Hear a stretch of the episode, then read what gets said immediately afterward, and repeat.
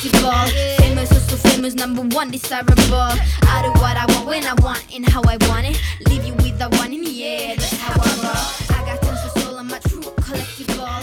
Famous, oh so famous, number one desirable. I do what I want when I want and how I want it. Leave you oi ahoi ahoi, oleme siia Rahvusraamatukokku vaikselt sisse seadnud ja mina olen Elis ja minu kõrval on täna Lauret ka siin. juhuu. Meil on väga põnev külaline jälle järjekordselt äh, meil külas. saime juba väiksed kingipakikesed ka kätte endale, siuksed mõnusad äh, krõbistan siia. äh, Kirti Asperg on meil täna külas, tere Kirsti. tere, tere. Ütlen paar, paar lauset äh, Kirti kohta ja siis äh, lähme saatega edasi Kirti on energiast äh, ja äh, särast pulbitsev kolmekümne nelja aastane ettevõtja ja kuueaastase poja ema.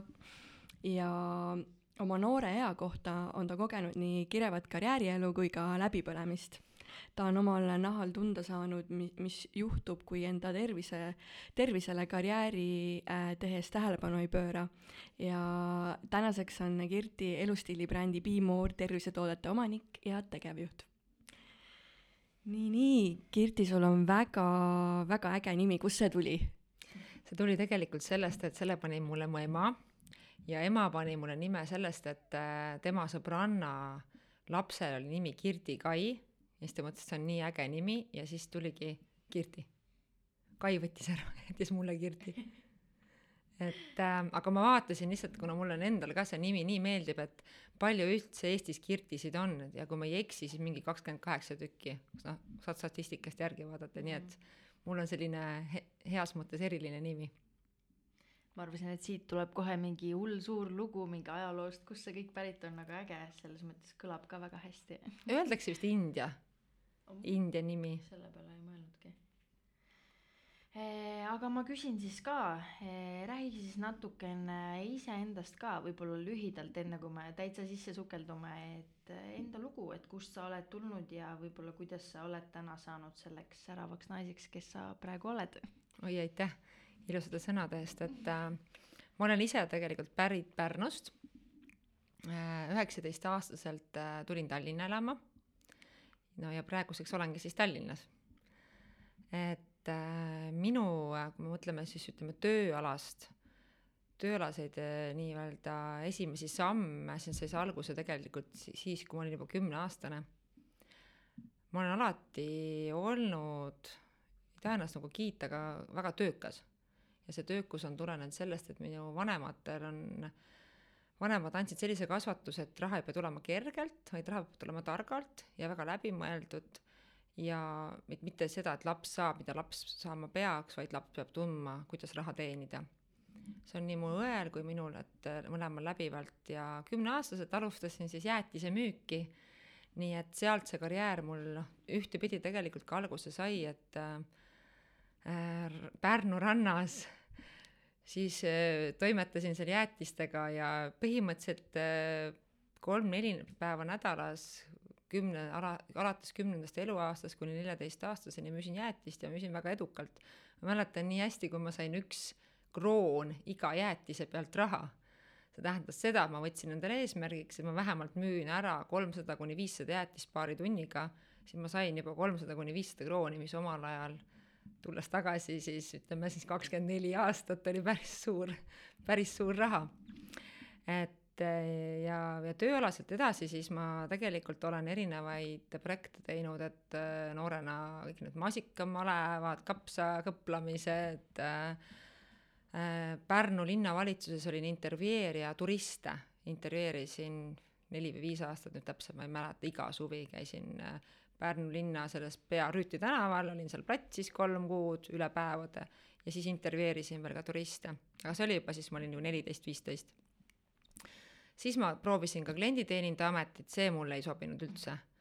ütlen ausalt, et äh, mulle meeldis suhelda, aga mulle ei meeldinud seda toitu ette kanda lihtsalt, et äh, kuidagi ma ei tea, füüsiliselt see mulle ei sobinud, see töö, et see oli see ainukene nagu töö, mis ma äh, praeguse karjääri jooksul võin öelda, et mis oli nagu fail minul enda mõttes, et et kolm päeva vist pidasin vastu. Mm.. töötasin Pärnus sellises toredas restoranis ja siis ma ütlesin ei, see pole minu tee. Mina toitu lihtsalt vedada ette ei taha, ma, ei olnudki nagu pea, nagu seal oligi see, et ma lihtsalt viisin toitu ette sellel ajal, et sa ei saanud nagu kliendid, klientidega seal tellimusi võtta, sa viisid toitu ette. et see ei olnud minu kutsumus, et äh, ja siis ma hakkasin tegelema, läksin kindlustusse, ma ei mäleta, kas ma olin seitseteist või kaheksateist aastat, Ergo kindlustuses töötasin. siis ma tegelesin veel sellise toreda firmaga nagu Hansa Gold oli omal ajal, kes siis müüs röstitud mandleid. käisime siis erinevatel laatadel kuna see müük tuli mul väga hästi välja, siis mul anti kohe tiim ka paari kuu pärast öelda Kirti, et sa oled super hea müügiinimene. Sa kuidagi tuleb see, ma ei tea, kuidas, kust see tuleb ja kuidas sa suudad niimoodi maha müüa inimestele.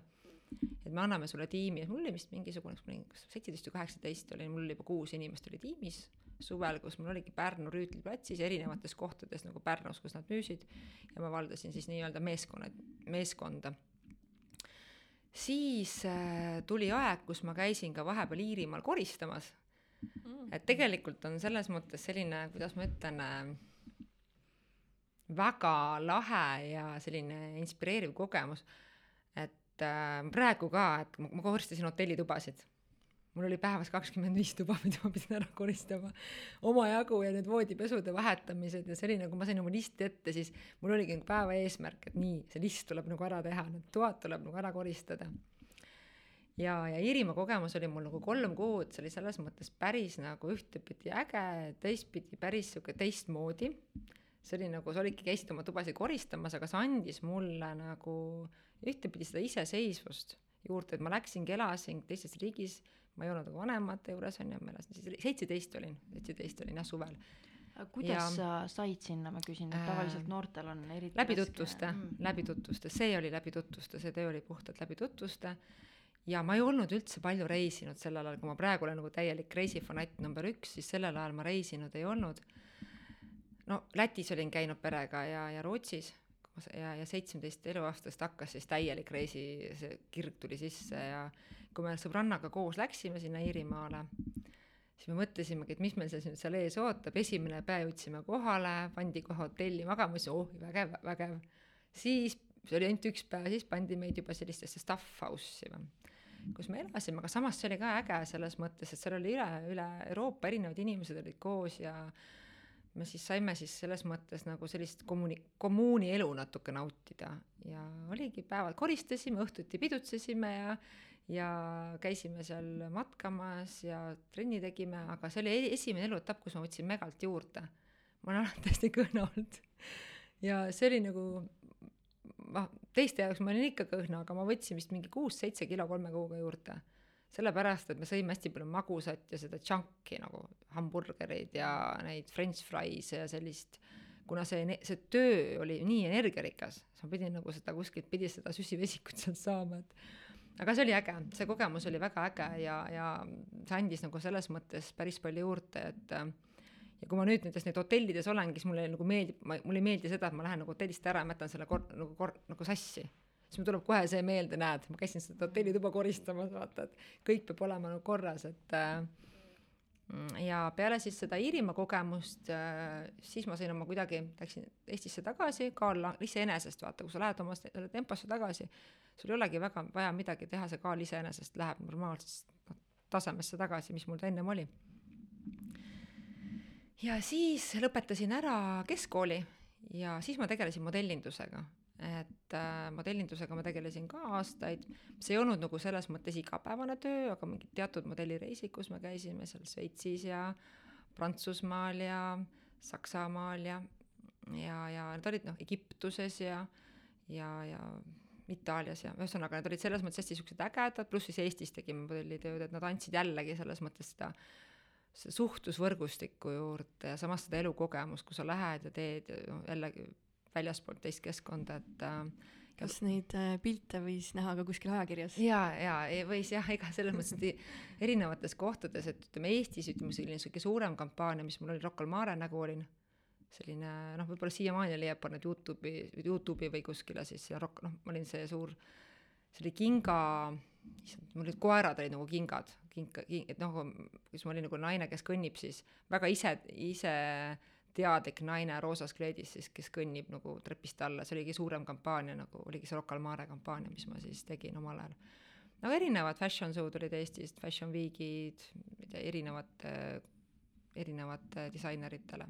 aga pigem oli välismaal rohkem, mida me tegime läbi siis agentuuride.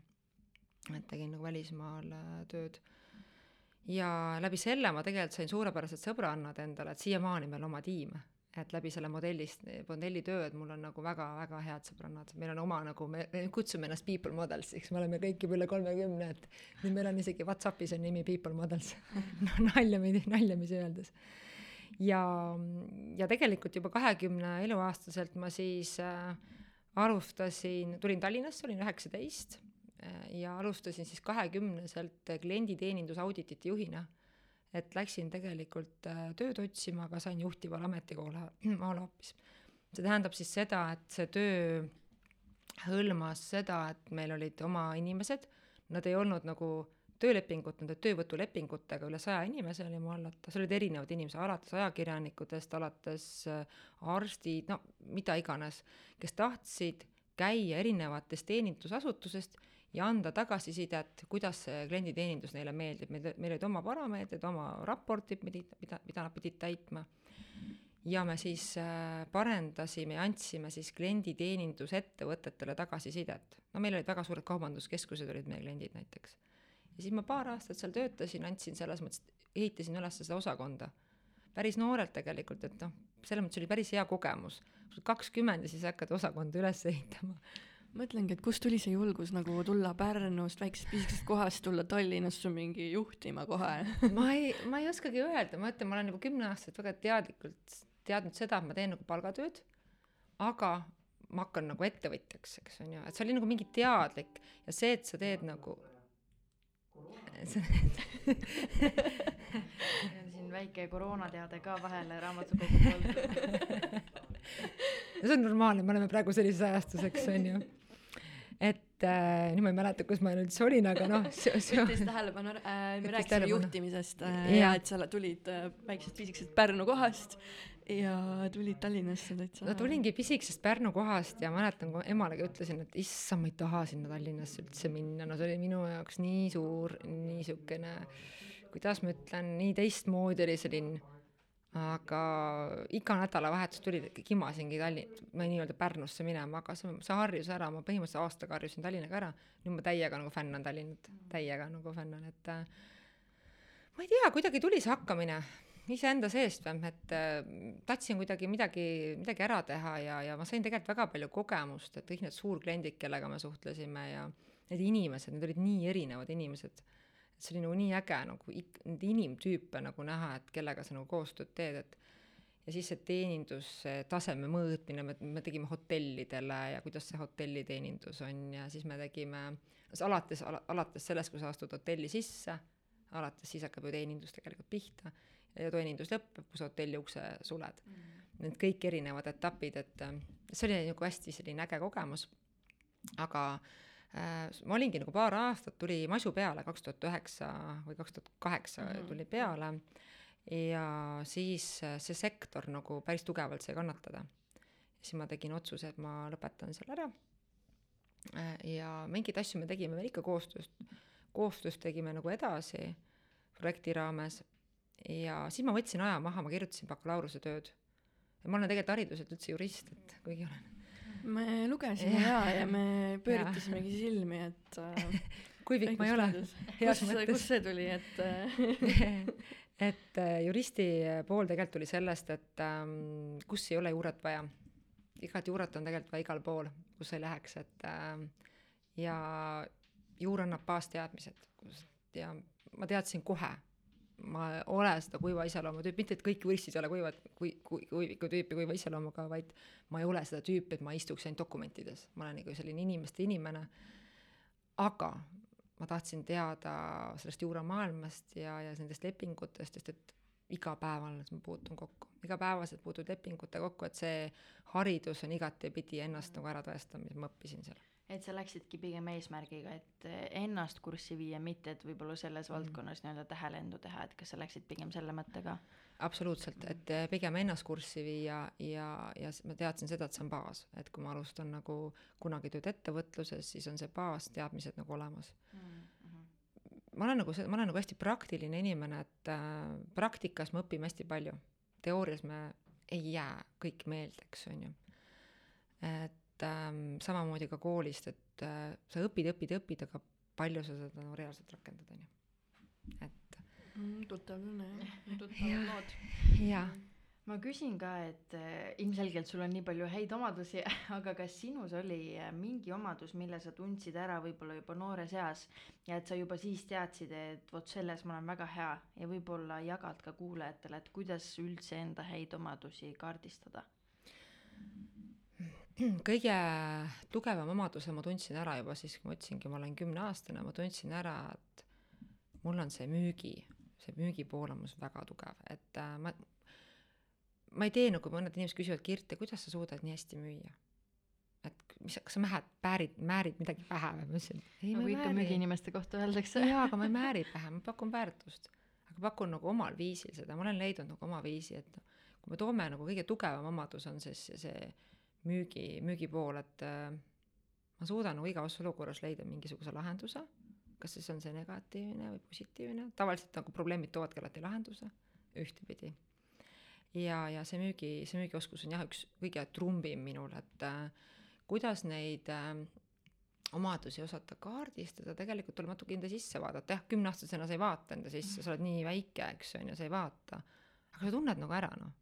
ja mina tundsin ka ära, et äh, vot, mul on selline tugevus, see tugevust ma peaksin rakendama ja, ja mul on alati vanemad seda meelt olnud, et mul ei pea olema viied, viied-neljad, eks on ju, kogu aeg tampida seda.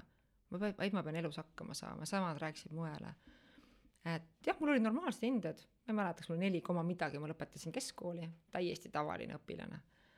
aga elus oled ikka, selles mõttes, et elus ei löö sa hinnetega läbi, elus lööd sa läbi muude oskustega tegelikult, on ju, see on jälle baas seda võiks korrutada enne sööki, peale sööki palju rohkem seda võiks korrutada jah, sest ma, ma olen nagu seda sama püüan oma lapsele ka, kui ta läheb kooli teha, et, et mitte seda suruda, seda viisi peale, et nüüd on viied ja viied ja viied, vaid pigem ikkagi elukogemus.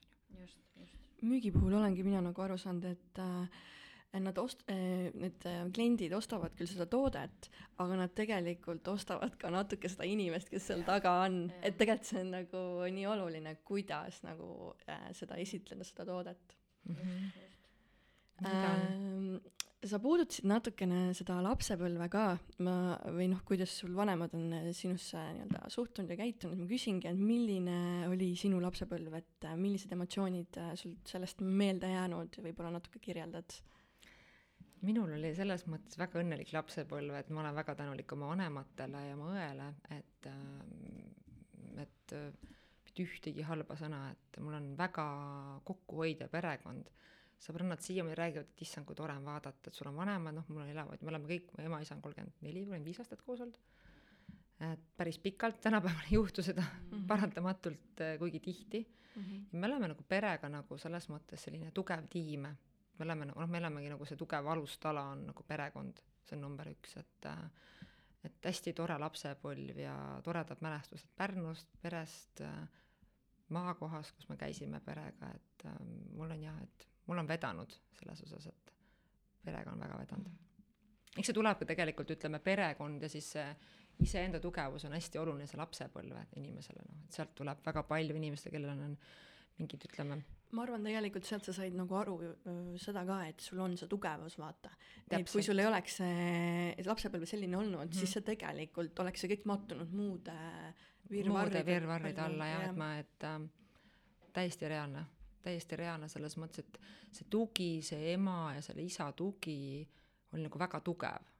et äh, kõik, ütleme, alates nagu, mul ema näiteks, ma olen ise õppinud kümme aastat viiulit ja ema ütles, et ma mingit pilli nagu võiksid õppida, ma ütlesin, noh, viiul mulle meeldib, ma olin seitsmeaastane ja hakkasin õppima, vahepeal tahtsin pooleli jätta, ma ei viitsinud minna, noh, ikka väike laps ei viitsi minna.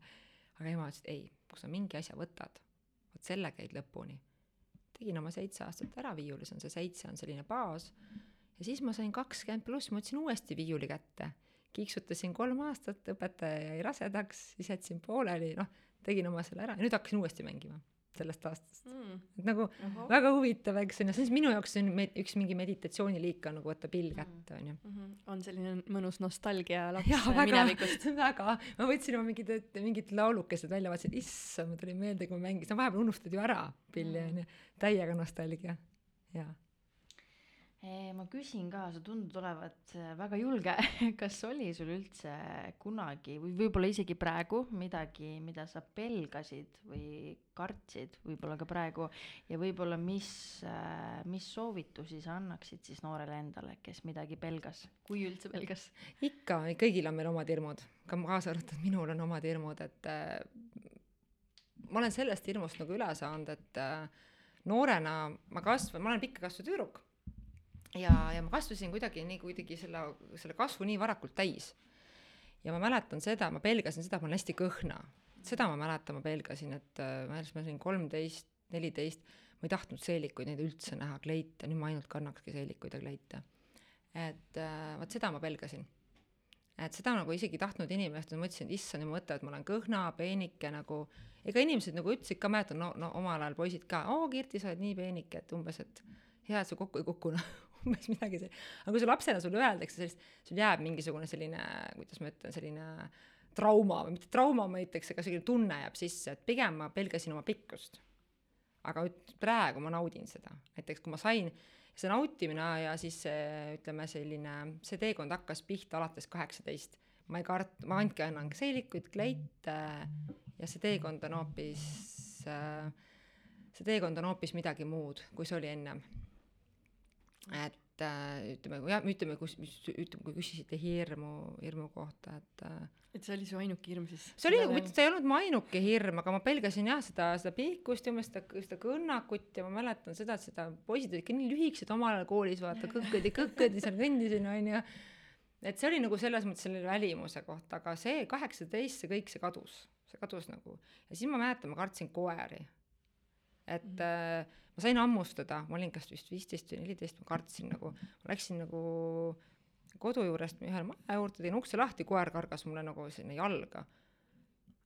ja siis ma nagu peale seda täiega kartsin koeri, aga ma võtsin ka kaksteist aastat tagasi endale koera, mul on kuldne retriiver kodus, pensionär juba, suvel saab kaksteist, täielik pensionär Mm.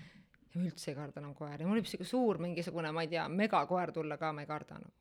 Jällegi nagu sa võtad, sa vaatad nagu selle hirmule otsa, vaata mm, Mhm. -hmm. võtad selle koera, hirm kaob ära, onju. samamoodi kleitide seelikutele vaatasin otsa, onju. eks neid hirme on veel selles mõttes, et et see on täiesti normaalne, me oleme inimesed ja kõigil on oma need äh, hirmud, aga noh, ma, need on nüüd, mis ma välja tõin, et aga mis soovitusi sa annaksid, võib-olla kui sa saaksid otsa vaadata praegu noorele iseendale, mis sa ütleksid talle? hmm.. see paneb mõtlema, mis äkki oskad natuke täpsustada seda küsimust, sa mõtled, et see jah, see võib siis olla kas mingi mõttetera või, või mingi soovitus või et umbes, et kui sa vaatad oma elule tagasi, et siis võib-olla mida sa oleks tahtnud teada noore inimesena. et Mhm. enne siis, kui sa nii-öelda suureks kasvad ja õpid seda enda kogemust, et keegi Mhm. oleks sulle patsutanud õlale ja öelnud, et kuule, seda on oluline Mhm. teada. võib-olla olla julgem, siis ma mõtlen, kui ma olingi kolmteist, neliteist, viisteist, et noh, olingi, kui midagi keegi nagu ütles, siis ma pigem noh, oligi need see, siis ma olin pigem nagu vait, onju. nüüd ma ei ole nagu üldse, vabandust, mul tuleb köhahoog peale, koroonat ei ole, aga mul on see, kui ma palju räägin, siis mul hakkab lihtsalt kurgus kõditama, et et äh, jah, või, või võib-olla nagu seda, et äh, praegu ma olen hästi otsekohene inimene, et vahest võib-olla inimestele võib tunduda, et ma olen liiga, aga ma pigem olen, mulle ei meeldi sihuke sala, sihuke salakaval rääkimine selja taga, vaid otse omadega. no see on väga vajalik oskus see, on väga vajalik oskus, et ma praegu olen täiesti nagu teadlikult äh, õppinud äh, niimoodi tegema ja olema, aga noorena mul ei olnud seda oskust. ma võin öelda ausalt, et mul ei olnud seda oskust, et äh, hoopis teine oli. üllatav on ju, sest ma praegu ütleks küll, et äh, sada protsenti julgust see tuleb, see, see on see enesega töö ja see tuleb, et noh, samamoodi, et sa ei iseennast tuleb nagu väärtustada, seda ma õpin ja seda õpib, tegelikult me õpime terve elu Terve õpime terve elu me õpime tegelikult ja ka mi-, kaasa arvatud ka mina õpin terve elu. erinevates situatsioonides. jah, äh, seda enese, eneseväärtustamist, et ja mingites olukordades, kui sa tead, et see olukord on nii ja siis kisub see olukord naa, siis ütled oma arvamuse välja, näed, olukord on nii, on ju, et äh, aga praegu jah, ma võin öelda, et ma olen suhteliselt otsekohene. ähm,. Küsiks seda, et ähm, kas sa tahtsid juba väiksena kohe ettevõtjaks saada või sul oli mingi teine soov, kelleks sa tegelikult tahtsid saada? no ma käisin nagu erinevaid, kui noorena ikka käid ju erinevad ametid läbi, vaata, nii palju kui mäletad ja ma, mul on see, see lemmik, mitte see on mitte lemmiklood ja minu lugu, vaid teate, no põrsad on peal, vaata ma mäletan nagu selline, kus on see minu klass, siis kõik kirjutavad, mis su lemmikamet on ja mis su lemmiksöök, jook on, onju. Ja siis ma mäletan, ma sinna kirjutasin arstiks. arstid, arstiks tahtsin saada. ja aga noh, ma, mul ei olnud selliseid hindeid, et minna arstiteaduskonda õppima, see oli nagu üks, üks suund, kui ma olin nagu noor siis ma käisin seal erinevaid ameteid välja, modellid ja mis seal olid, kõik õpetajad ja nii edasi, et noh, kui sa olid väga-väga noor, ma ei tea, sa olid alla kümneaastase, et mm -hmm. aga juhiks, juhiks tuli siis tegelikult see kõik see, et nagu tahad olla boss, nii-öelda nagu mu laps kuueaastane ma hakkan bossiks, onju. mina tahtsin äh, lauljaks ja tantsijaks saada, kes sina tahtsid olla, Lauret?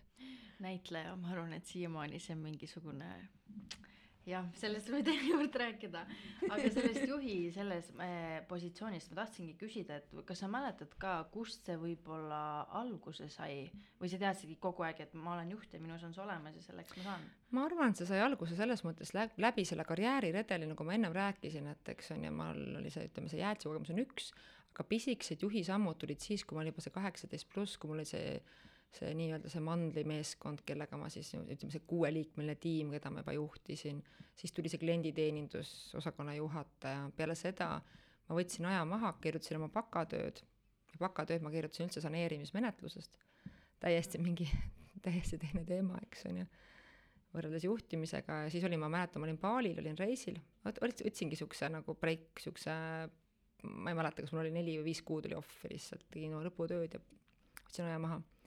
Ja siis ma kandideerisin oma pianorestorani personalijuhiks.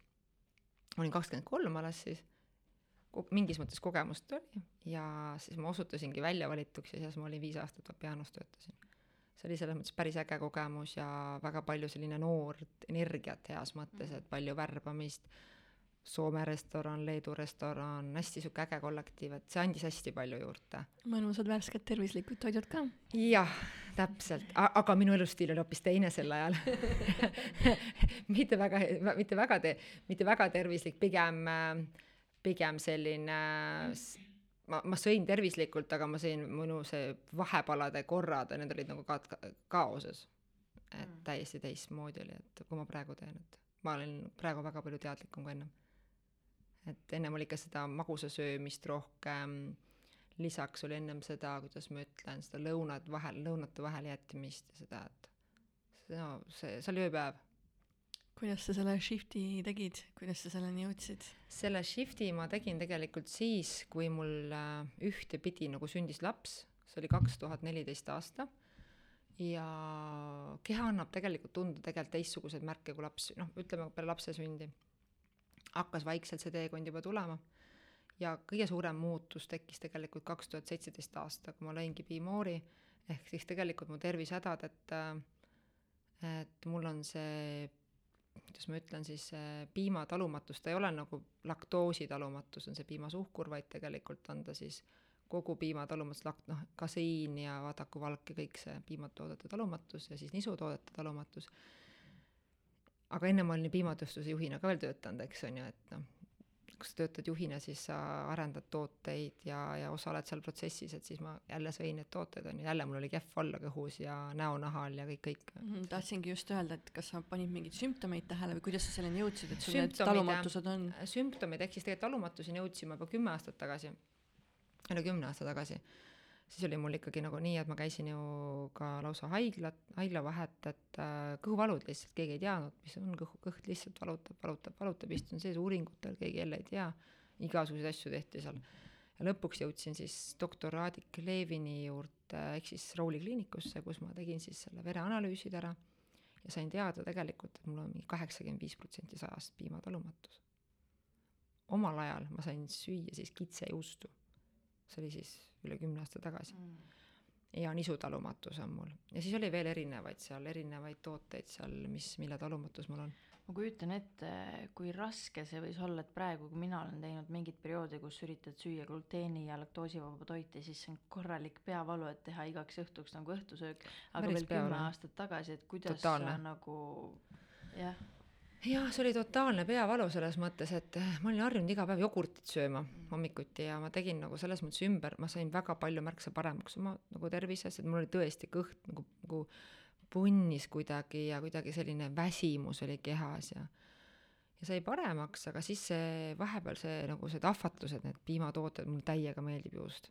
kõik need ahvatused, sai nagu ei andnud need ahvatluste järgi ja see elutempo oli ka hästi kiire ja ja kaks tuhat seitseteist äh, aasta, noh, mul oligi nagu kaks tuhat neliteist, paar aastat ma töötasin tegevjuhina piimatööstuses, siis läks jälle lappama see kõik see, ütleme see, kuna siis ma siis jälle sõin neid piimatooteid, on ju ja kaks tuhat seitseteist aasta ma mõtlesin, ma pean elus muudatuse tegema ja kogu oma elustiili täiesti üle, veel kord üle vaatama. ja siis tuli siis seesama see Be-More'i äh, äh, brändi mõte ka, kuna ma olin äh, tarbisin neid köögiviljasid ja marju ja puuviljasid ja siis see tuligi see idee, et anda oma kogemust edasi siis teistele. et ähm, ja see alguse sai jah siis suvel. Tegelikult juba mõttealged olid juba kaks tuhat kuusteist aasta, aga siis ütleme, see teostus sai suvel alguse.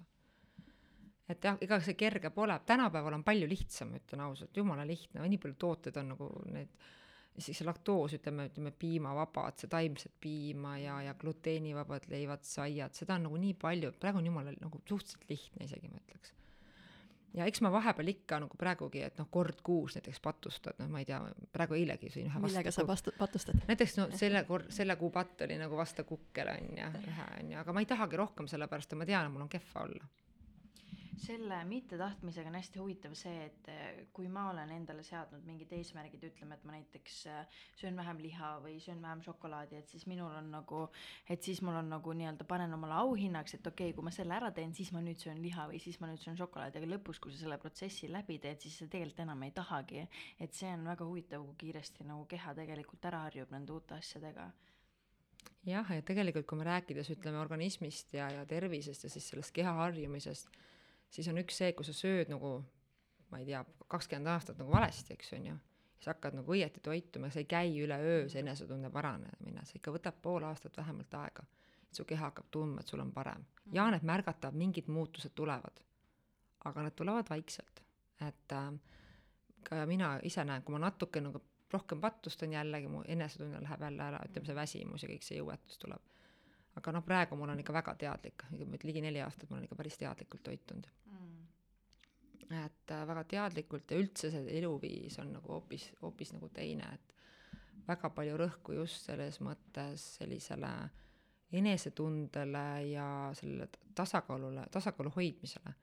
et enne ma ei teinud seda, ma rahmisin rohkem nagu, ma olin nagu rohkem õhus kuidagi praegu. räägime natukene sinu brändist ka, Bimore, et kas see saigi alguse siis nendest äh, talumatustest äh, või millest see täpsemalt alguse sai ja mis väärtust see nii-öelda elustiilibränd kannab?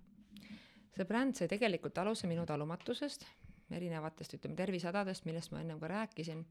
see mõte tegelikult, et ja mind on alati tervis köitnud, üldse see tervisetooted ja see kõik see, et et tahaks nagu, ühesõnaga mõte, Piimori mõte on nagu see, et tahaks, et maailm on nagu parem läbi heade tervisetoodete ja, ja alguse ta saigi tervislikust hädast ja see, kuni see nimigi ütleb juba be more, et olla rohkem, et et igaüks meist ei ole, kas ta on tegemist mehe, naise, vanema, noorema, siin ei ole vahet, kas siin, et kõik tahavad olla rohkem mingis mõttes. et me oma toodetega tahamegi pakkuda inimesele seda head enesetunnet.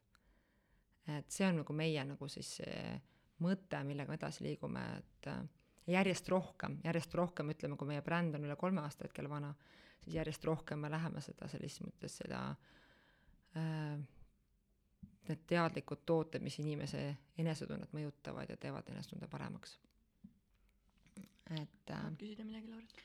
jah, selle brändi kohta võib-olla tahakski küsida, et kellele siis see nagu suunatud on?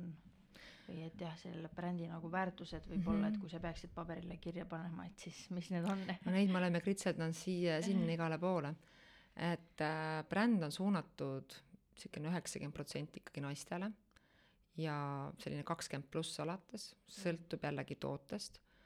et äh, meie keskmine tarbija on selline kakskümmend viis kuni nelikümmend viis pluss mm et äh, samamoodi meie batoonid on väga laste poolt armastatud. Tarbivad ka mehed neid tooteid, aga ma olen alati öelnud, et ega, ega nagu ma saan aru, et noh, vaata, mis need pakikesed, asjad, aga noh, teadlikumad toitujad, eks on ju, et äh, üldjoontes on ikkagi naiste, naistele suunatud tooted ma olen ka äh, nende toorbatoonide fänn, et äh, kui äh, kiirelt on vaja mingit ampsu, siis äh, saab R-kioskist või kuskilt osta. jaa äh,, täpselt, täpselt, meil on ju tooted on, issand ligi nelisada kohta, jah? jaa, meil on vist vana info, meil on siin kirjas kolmsada viiskümmend, aga jah äh,, tahtsimegi küsida, et te olete nii kiiresti kasvanud tegelikult, et äh, ühe aastaga nagu saite nii paljusid müügikohti, et äh, mida sina arvad, et miks see inimestele on nii meeldima hakanud ja kuidas see kasv nii kiire oli? no see kiire kasv oli tegelikult tingitud sellest, eks me, meie strateegia oli läbimõeldud, et kuidas me kasvame, et äh, ja kuidas me pakume, see müügistrateegia ja samas inimesed võtavad väga hästi neid tooteid ka vastu, et äh, nad on tervislikud, nad on maitsvad, nad teevad enesetunde paremaks. Ja kuidagi jah, meil on bränd on ikkagi kõvasti kasvanud, me alustasime ju kaks tuhat kaheksateist aasta müügiga, tegelikult see kõik, sest võttis ju aega need ettevalmistused ja tänaseks päevaks on kaks tuhat kakskümmend üks. et äh, ja oleme päris üle neljasaja koha, eks siis on ju, ma, sa ütlesid kolmsada viiskümmend, et üle neljasaja koha Eestis ja tegelikult me järjest, järjest veel tuleb juurde nii palju, kui siin väikses Eestis tulla saab yeah., neid kohtasid, aga eks meil on suuremad rahvusvahelised plaanid, et lisaks Eestile. tahtsingi küsida, et mis teil see visioon on brändiga, võib-olla tuleviku eesmärgid ja, ja et kus te mm -hmm. nii-öelda plaanite edasi minna, edasi jõuda?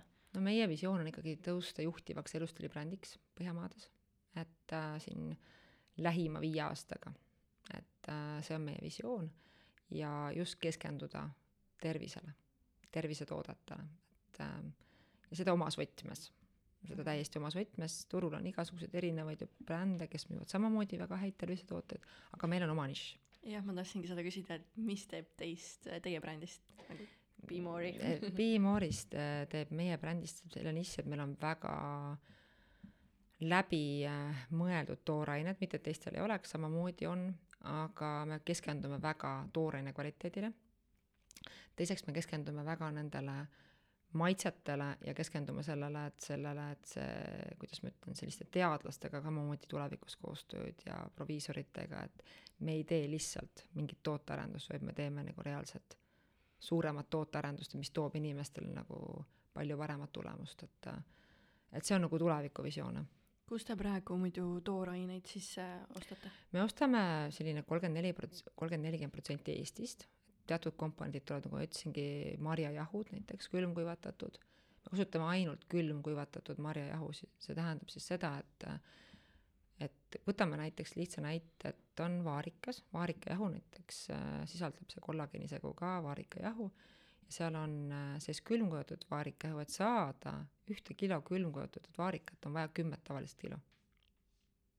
Jesus ehk siis see on päris suur vahe, eks on ju, ja mis see külmkuivatatud on, meetod on parem, ongi selles mõttes, seal säilivad rohkem vitamiinid, mineraalid, kihudained, sada protsenti.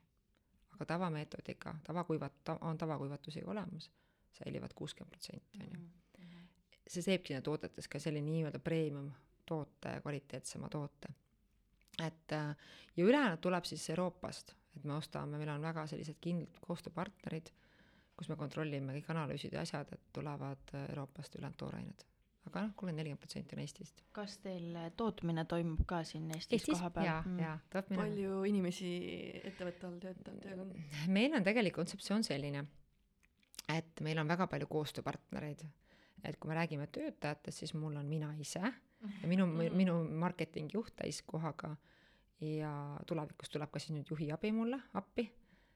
tööd on lihtsalt nii palju ära vaja teha ja ülejäänud on kõik koostöö, ehk siis tegelikult logistikat teeb meil koostööpartner, kuna meil on ligi nelisada kohta, ta veab laiali, ta komplekteerib, ta ladustab ja e-poodi teeme meie ise, eks on ju, et äh, ja siis on kõik toitumisnõustaja, disainerid äh,, fotograafid, no kõik teenused on ju, keda me kasutame, et meil on ja tootmistehased on ka kõik teenused. ehk siis tegelikult me ostame teenused sisse, meil on päris, päris mitmeid suuri koostööpartnereid, kus me ostame teenuse sisse, meil on oma nagu retseptid läbi räägitud nendega, meil on oma koostöödiilid nendega. jah, et ise ei pea tehast ostma ka. ei, jah, ma olen tehast juhtinud ja aastaid, nii et ma tean, kui raske on tehase pidamine. mis oleks kui sa peaksid ühe lausega ütlema selle hüüdlause, et miks inimesed peaksid eh, just sinu brändi valima, siis mis see lause oleks? Olla rohkem Be more nii nagu see nimigi ütleb, vaata. kui kuulata su lugu, siis äh, mul nagu tundub, et elu ongi sul nagu step by step viinud lõpuks selle äh, nagu ettevõtmiseni, et ta on sind nagu koolitanud välja, et sa saaksid seda teha. noh, ütleme nii jah, et kui ma ise ka nagu, kui võt-, vaatas oma CV-le otsa, eks on ju, vaatanud, et noh, alustad nagu ütleme seal jäätisemüüjana, siis teed koristust ja siis hakkad juhtima ja siis juhid personali ja siis juhid juba tehast ja siis teed oma brändi. vahepeal käid ülikoolis, ma olen ülikoolis ka õpetanud tööõigust ja äriõigust dokumentatsiooni Tallinna Üli-, Tallinna ja seda Tehnikaülikoolis on. nagu kõike ettevõtluses Et- et, nagu nii vaja. et seda on kõike vaja, see on kõik tegelikult baas. ja tänapäevaks ma võiks öelda, ma, ma, ma ei kujutaks ette, ma teeks palgatööd. ma isegi ei kujutaks seda ette. et võib-olla kunagi ühel heal päeval, kui olen nagu pensionär, ma ei kujuta ette, aga noh, see on nalja, mis öeldakse, aga ettevõtlus on jah, ettevõtlus ühtepidi annab selle vabaduse, teistpidi on ta ka keeruline, eks on ju. aga jah, jah, see on see teekond, see õppeteekond, mis ma olen nagu läbinud, aga me õpime kogu aeg ja samamoodi õpin mina iga päev, iga päev saad jälle mingisuguse teadmise tar-, võrra targemaks. et ähm, aga õppida on väga tore, see on selles mõttes te- selliste teadmiste selline omandamine mulle meeldib, et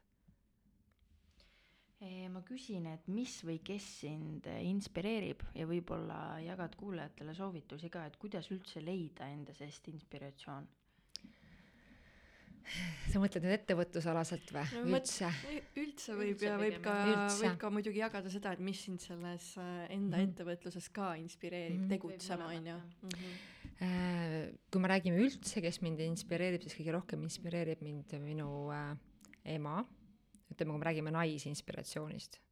meesinspiratsioonist mu mees, aga kui me räägime nais, siis minu, minu ema, selles mõttes, et minu emas on selles mõttes selline väga tugev karakter ja väga hea kodune kasvatus olnud, et äh, selline kuidagi, selline, kuidas, mis ma praegu vaatan oma lapse puhul tahaks nagu heas mõttes rakendada. et aga kui me räägime ettevõtlikkusest, siis meil on niisugune hästi lahe klubi, kus ma olen ka, on äriklubi ja need naised kõik seal on, kõik on ettevõtjad, meid on kokku vist, kui ma ei eksi, nüüd on ligi kümmekond.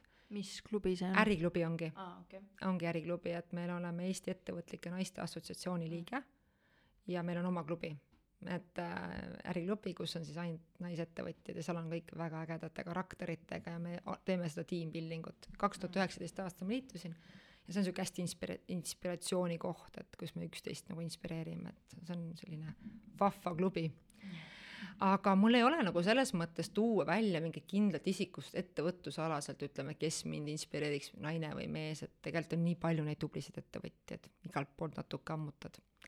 et nagu loen, mul on nagu, ma ei loe nagu seda Delfit, ütlen ausalt, sest see minu arust on seal hästi palju negatiivset informatsiooni tuleb.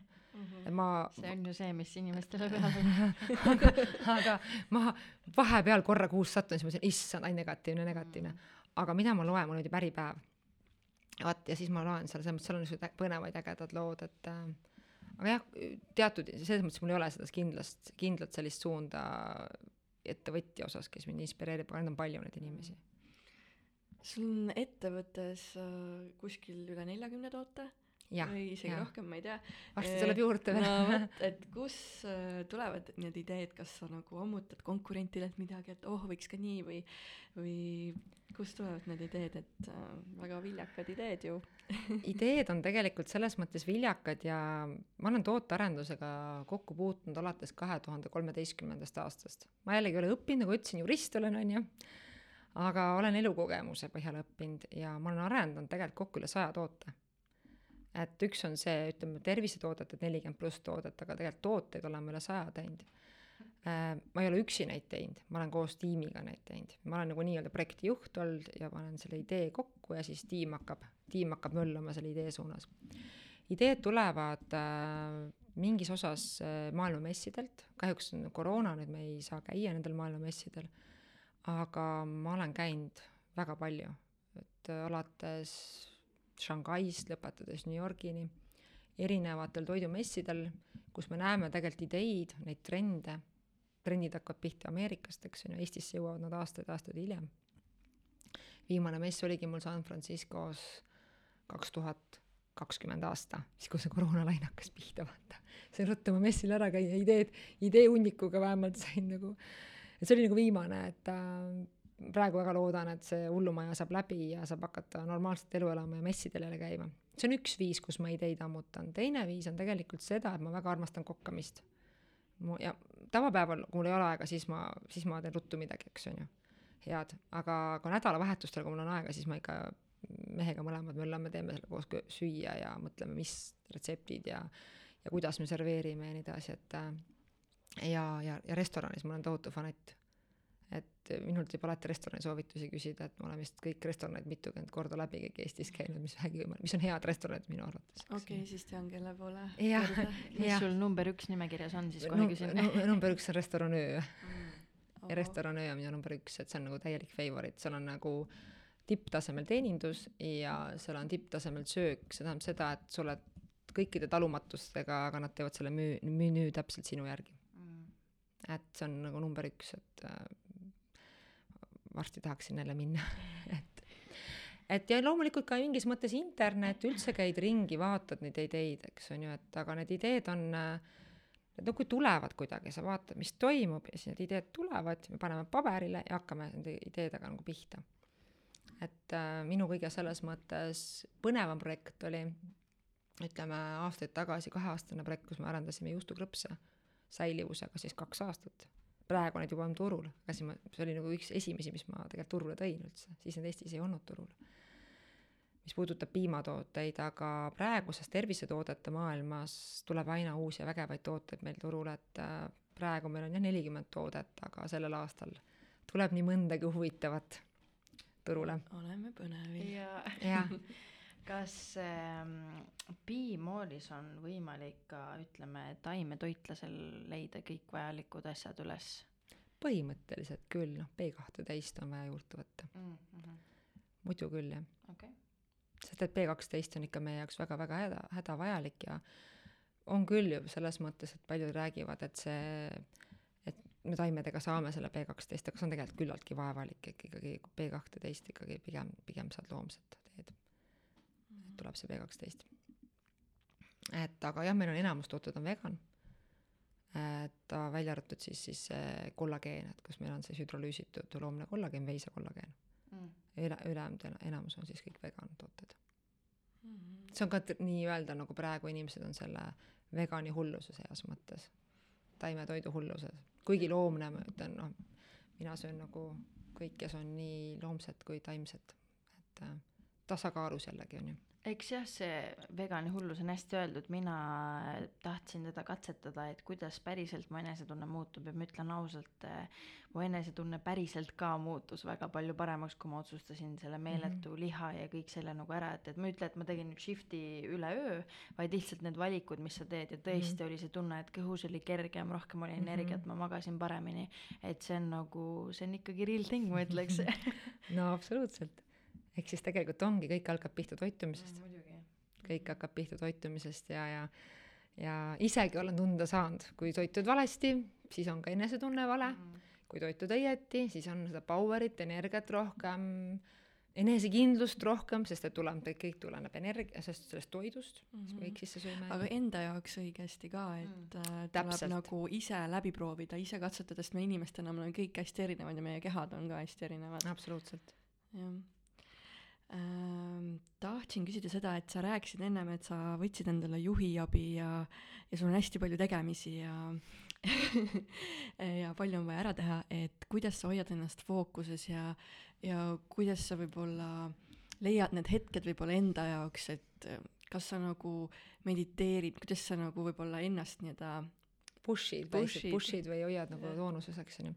eks mul on neid hetki vahepeal on, ütleme see kaks tuhat neliteist aasta, kui ma lapse sain, siis oli jälle see, see, see noh, mega töörattas olid kogu aeg jälle siis, kelle tegelikult see keha oli tasakaalust väljas, on ju.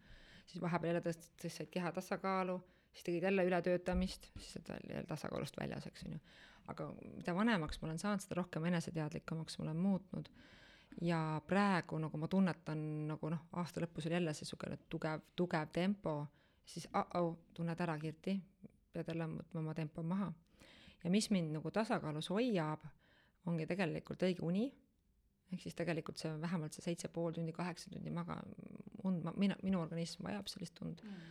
ja samamoodi toit, mida ma söön, kui tihti ma söön, ehk siis mina tegelikult vajan hommikusööki, lõunasööki, õhtusööki ja need vahepalad ka et noh, kas ma võtan batooni või mingi puuvilja.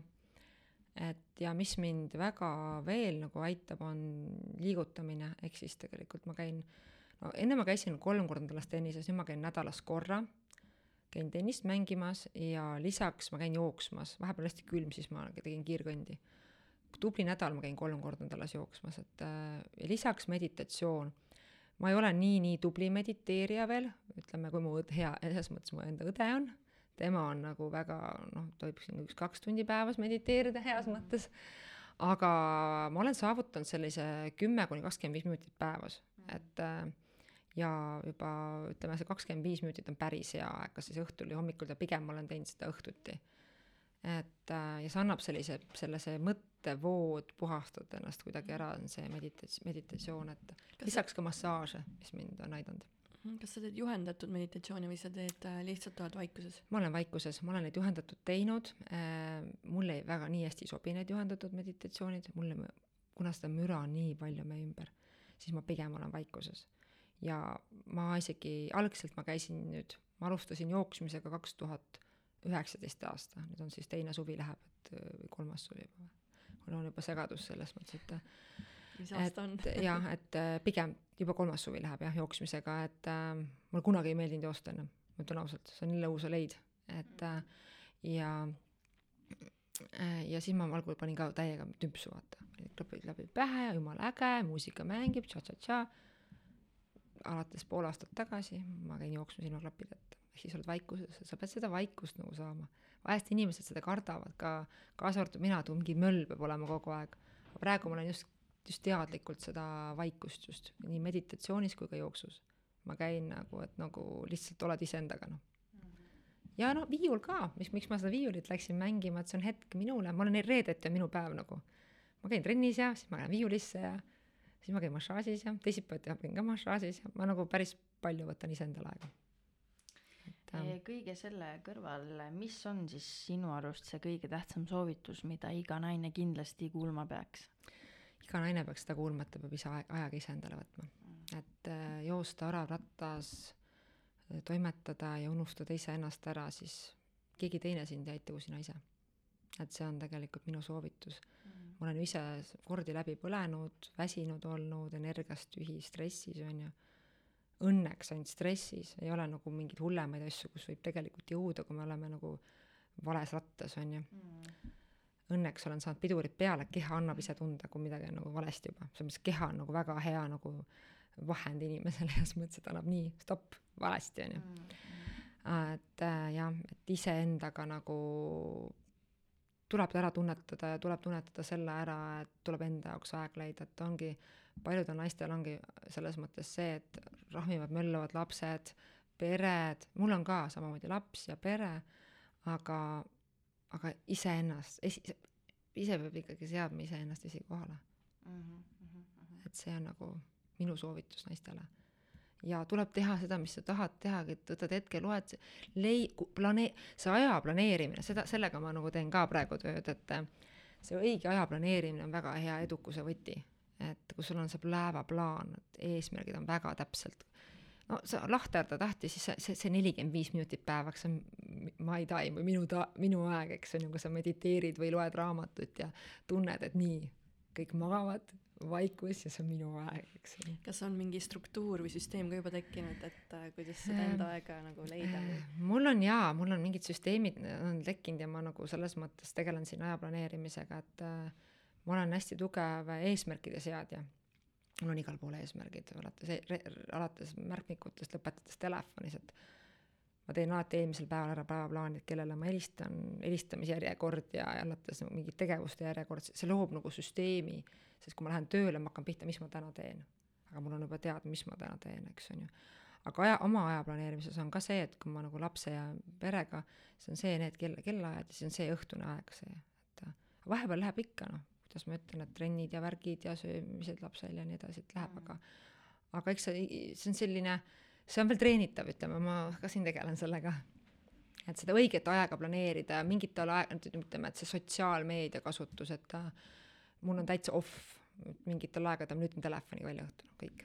mul on off, see on minu aeg, see on minu pereaeg ja ma nagu ei tegele, et see viib jälle mingi töölainele mm. -hmm. ma panen ka mõnikord lennurežiimile endal telefoni lihtsalt õhtuks, et mhm. ma ei taha kellegist midagi kuulda see on oma aeg, eks on ju, ja, ja, ja, ja Äh, sa rääkisid, et sa oled väga suur reisihull, et kuidas praegune olukord on mõjutanud seda reisihullust, et kas sa ikka lähed reisile või äh, pigem ikkagi jääd Eesti, Eestimaale? ma ikka lähen, selles mõttes reisihull ju reisihull, et äh, ma olen ikka jah, mul on mega, mega reisimine ikka megalt meeldib, et ähm, eelmine aasta saigi natuke vähe reisida, aga pole hullu, koroona aasta, eks on ju. mitu riiki siis aastaga tuleb tavaliselt? tavaliselt viis-kuus tavaliselt on viis-kuus, aga eelmisel aastal me käisime mehega San Franciscos käisime ja siis käisime seal noh, California juures nii-öelda trippisime seal ringi. ja siis külastasime Kreetat ja siis käisime Lätis ja siis vist oligi kõik. see oligi eelmine aasta kõik mm. -hmm. aga kui ma võtan tagasi, mul on viis-kuus reisi, et mm -hmm. see on erinevad, alates Ameerikast kuni Euroopad ja Aasiad välja, et mm. -hmm oli kuidagi reisimine raskendatud ka ebamugavam kui muidu tavaliselt äh,? no Kreeta me saime tunda mehega, kui me käisime, et mm. siis oli teistmoodi maskid ees aga kui me San Franciscosse sõitsime selle messile ja tripisime niisama, siis oli ju täitsa tavaline elu, eks on ju mm.. siis ei olnud veel seda hullumaja paanikat, on ju mm. -hmm aga sellel aastal jah, loodetavasti paari nädala pärast ikka saab reisile, mul on plaanitud et ma lähen, aga mul on vaja need testid ära teha kõik veel ja see protsessid, et eks on ju. kuhu siis äh, plaanis oleks? ma, tead, ma käisin mõtetes ära igal pool, ma käisin Zanzibaril ära, ma käisin Mehhikos ära, ma sõitsin Maldiividele mõtetes, aga siis ma mõtlesin, et mis, äh, arutasime ka mehega, et neid pileteid ja asju, et pärast on jälle kuskil lockdown'id ja asjad, et siis mõtlesime, et teeme, lähme lihtsalt puhkame, lähme Egiptusesse. võtame lihtsalt äh, väga hea hotelli, mängime tennist, sööme head toitu, relax ma tean, et ei ole väga palju inimesi, kellele nagu reisimine nagu üldse ei meeldiks. noh, neid kindlasti ma tean kusjuures neid, ma tean. kindlasti leidub, vaata, aga, aga mis nagu sind inspireerib ja paelub sellest kõige rohkem? no reisimise puhul paelub see, ma saan midagi uut teada. et ma lähen, ma ostan seal näiteks mingi noh, võtame näiteks, käisime äh, Argentiinas on ju, reisil ja, ja ma ostsingi raamatu, tundsin, õppisin tundma Argentiina ja Brasiilia kultuuri et see mind nii paelub, et sa saad midagi uut teada sellest nagu riigist ja nendest kommetest ja, ja nendest traditsioonidest, et äh, ja sa näed nagu midagi teistmoodi, et sa nagu oled kuidagi nagu, ma ei oska seletada, see on nagu nii äge, see reisimine, et et äh, kui ma ütlengi, kui see hullus läbi saab, siis ma ikkagi, mul on see viis-kuus reisi aastas ikka ongi see eesmärk, et ma siis käin ja reisin, aga praegu vist ei ole päris võimalik see ei jõua nii palju need koroonatestid ära teha. Mina siin viimase küsimusena enda poolt küsiks, et kas su elus on võib-olla midagi, mida sa kahetsed ka? Ja kui on, siis mida sa sellest õppisid? Ähm, hea küsimus selles mõttes, võib-olla kahetsen seda, et ma tegin liiga palju tööd, äh, kui ma tegin palgatöö raames, liiga palju seda selles mõttes võtmes, et äh, ei olnud nagu see aja, aja planeerimist nii head, kui praegu on. et mul ei olnud midagi selle töö vastu, vaid seda oli nagu liiga palju läbi planeerimata, mis tegelikult tek-, ütleme, tekitas mulle endale rohkem seda stressi ja läbipõlemist, seda oli too much vot seda natuke kahetsen, aga samas ma ei kahetse seda kogemust. et seda, see on üks, üks, üks pool, mis puudutab nagu tööd, et mul rohkem väga küsimusi ei ole, mul lihtsalt küsiks, võib-olla sul endal on midagi meie ausad naiste kuul-, ausad, ausate naiste kuulajatele midagi öelda äh,, mida nad võiksid kõrva taha panna?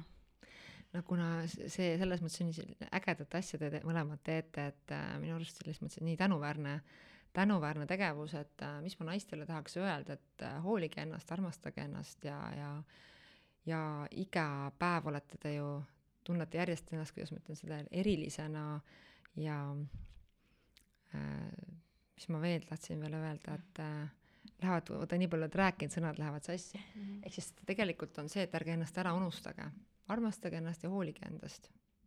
ja näege noh, seda tänulikkust ka, et äh, mis tegelikult tänapäeval just tuleb järjest rohkem, ma ise ka praktiseerin, et olla tänulik inimestele, et seda tänulikkust, et vaadata, kes su ümber on ja ja mm, elu on ju imeline kui seda õieti, kui õieti elada äh,? siit tulebki mu viimane küsimus, et äh, kas sa tunned täna, et sa elad enda unistuste elu? täna ma saan öelda, et ma elan seda enda unistuste elu, sest ma teen seda, mis mulle meeldib. ja, ja mul on inimesed ümber, kes, kes mulle ka meeldivad. mul on nii toetav perekond, mees, laps, ema, isa, õde ja väga head sõbrannad ja sugulased, et äh, ma olen nagu väga-väga tänulik sellele, mis mu ümber on mm. -hmm. et äh, kust äh, meie kuulajad saavad sinu toodete kohta ja sinu kohta infot? noh, mina ei ole väga suur sotsiaalmeedia kasutaja et nagu ma ütlesin, ma väga palju sellele aega, enda aega ei investeeri mm, -hmm. aga minu toodete koha pealt saavad lugeda Piimori kodulehelt, et www.piimor.ee, siis on see kodulehe aadress ja LinkedInis on ka minu enda nagu kontakt kellelegi, kes mida iganes, kellel on küsimusi, ettevõtluse osas, siis alati saab julgelt, ma teen ka tegelikult, mis ma ennem, ma ei maininud, et äh, ma aitan ise ka alustavaid ettevõtjaid mu teise ettevõtte alt, et et on vaja ka neid aidata, seda, seda teistpidist suunda, mitte palju, ma olen viis protsenti oma töö eest andnud, ma olen ära protsentuaalselt siga nii-öelda ära määratlenud, aga viis protsenti aitan, et äh, mõned ettevõtted mul on praegu, keda ma aitan. Aga Kirti, mina tänan, et sa tulid täna siia meiega vestlema, andsid enda, enda aega mina tänan ka teid, väga, väga tore oli ja väga inspireeriv. ja mina tahan ka tänada, minu arust väga palju väärtust sai siin saates äh, loodud ja mitte ainult nüüd seda, et sa ei rääkinud enda kogemusest, vaid igast sinu nii-öelda vastusest sai ka, ma arvan, igaüks midagi kaasa võtta ja seda siis ära kasutada, et minu poolt ka väga suur aitäh. Just, ja kuulajad, kui teile ka see saade meeldis, siis äh, jagage enda tuttavate sõpradega, ehk nemad saavad ka siit saatest väärtust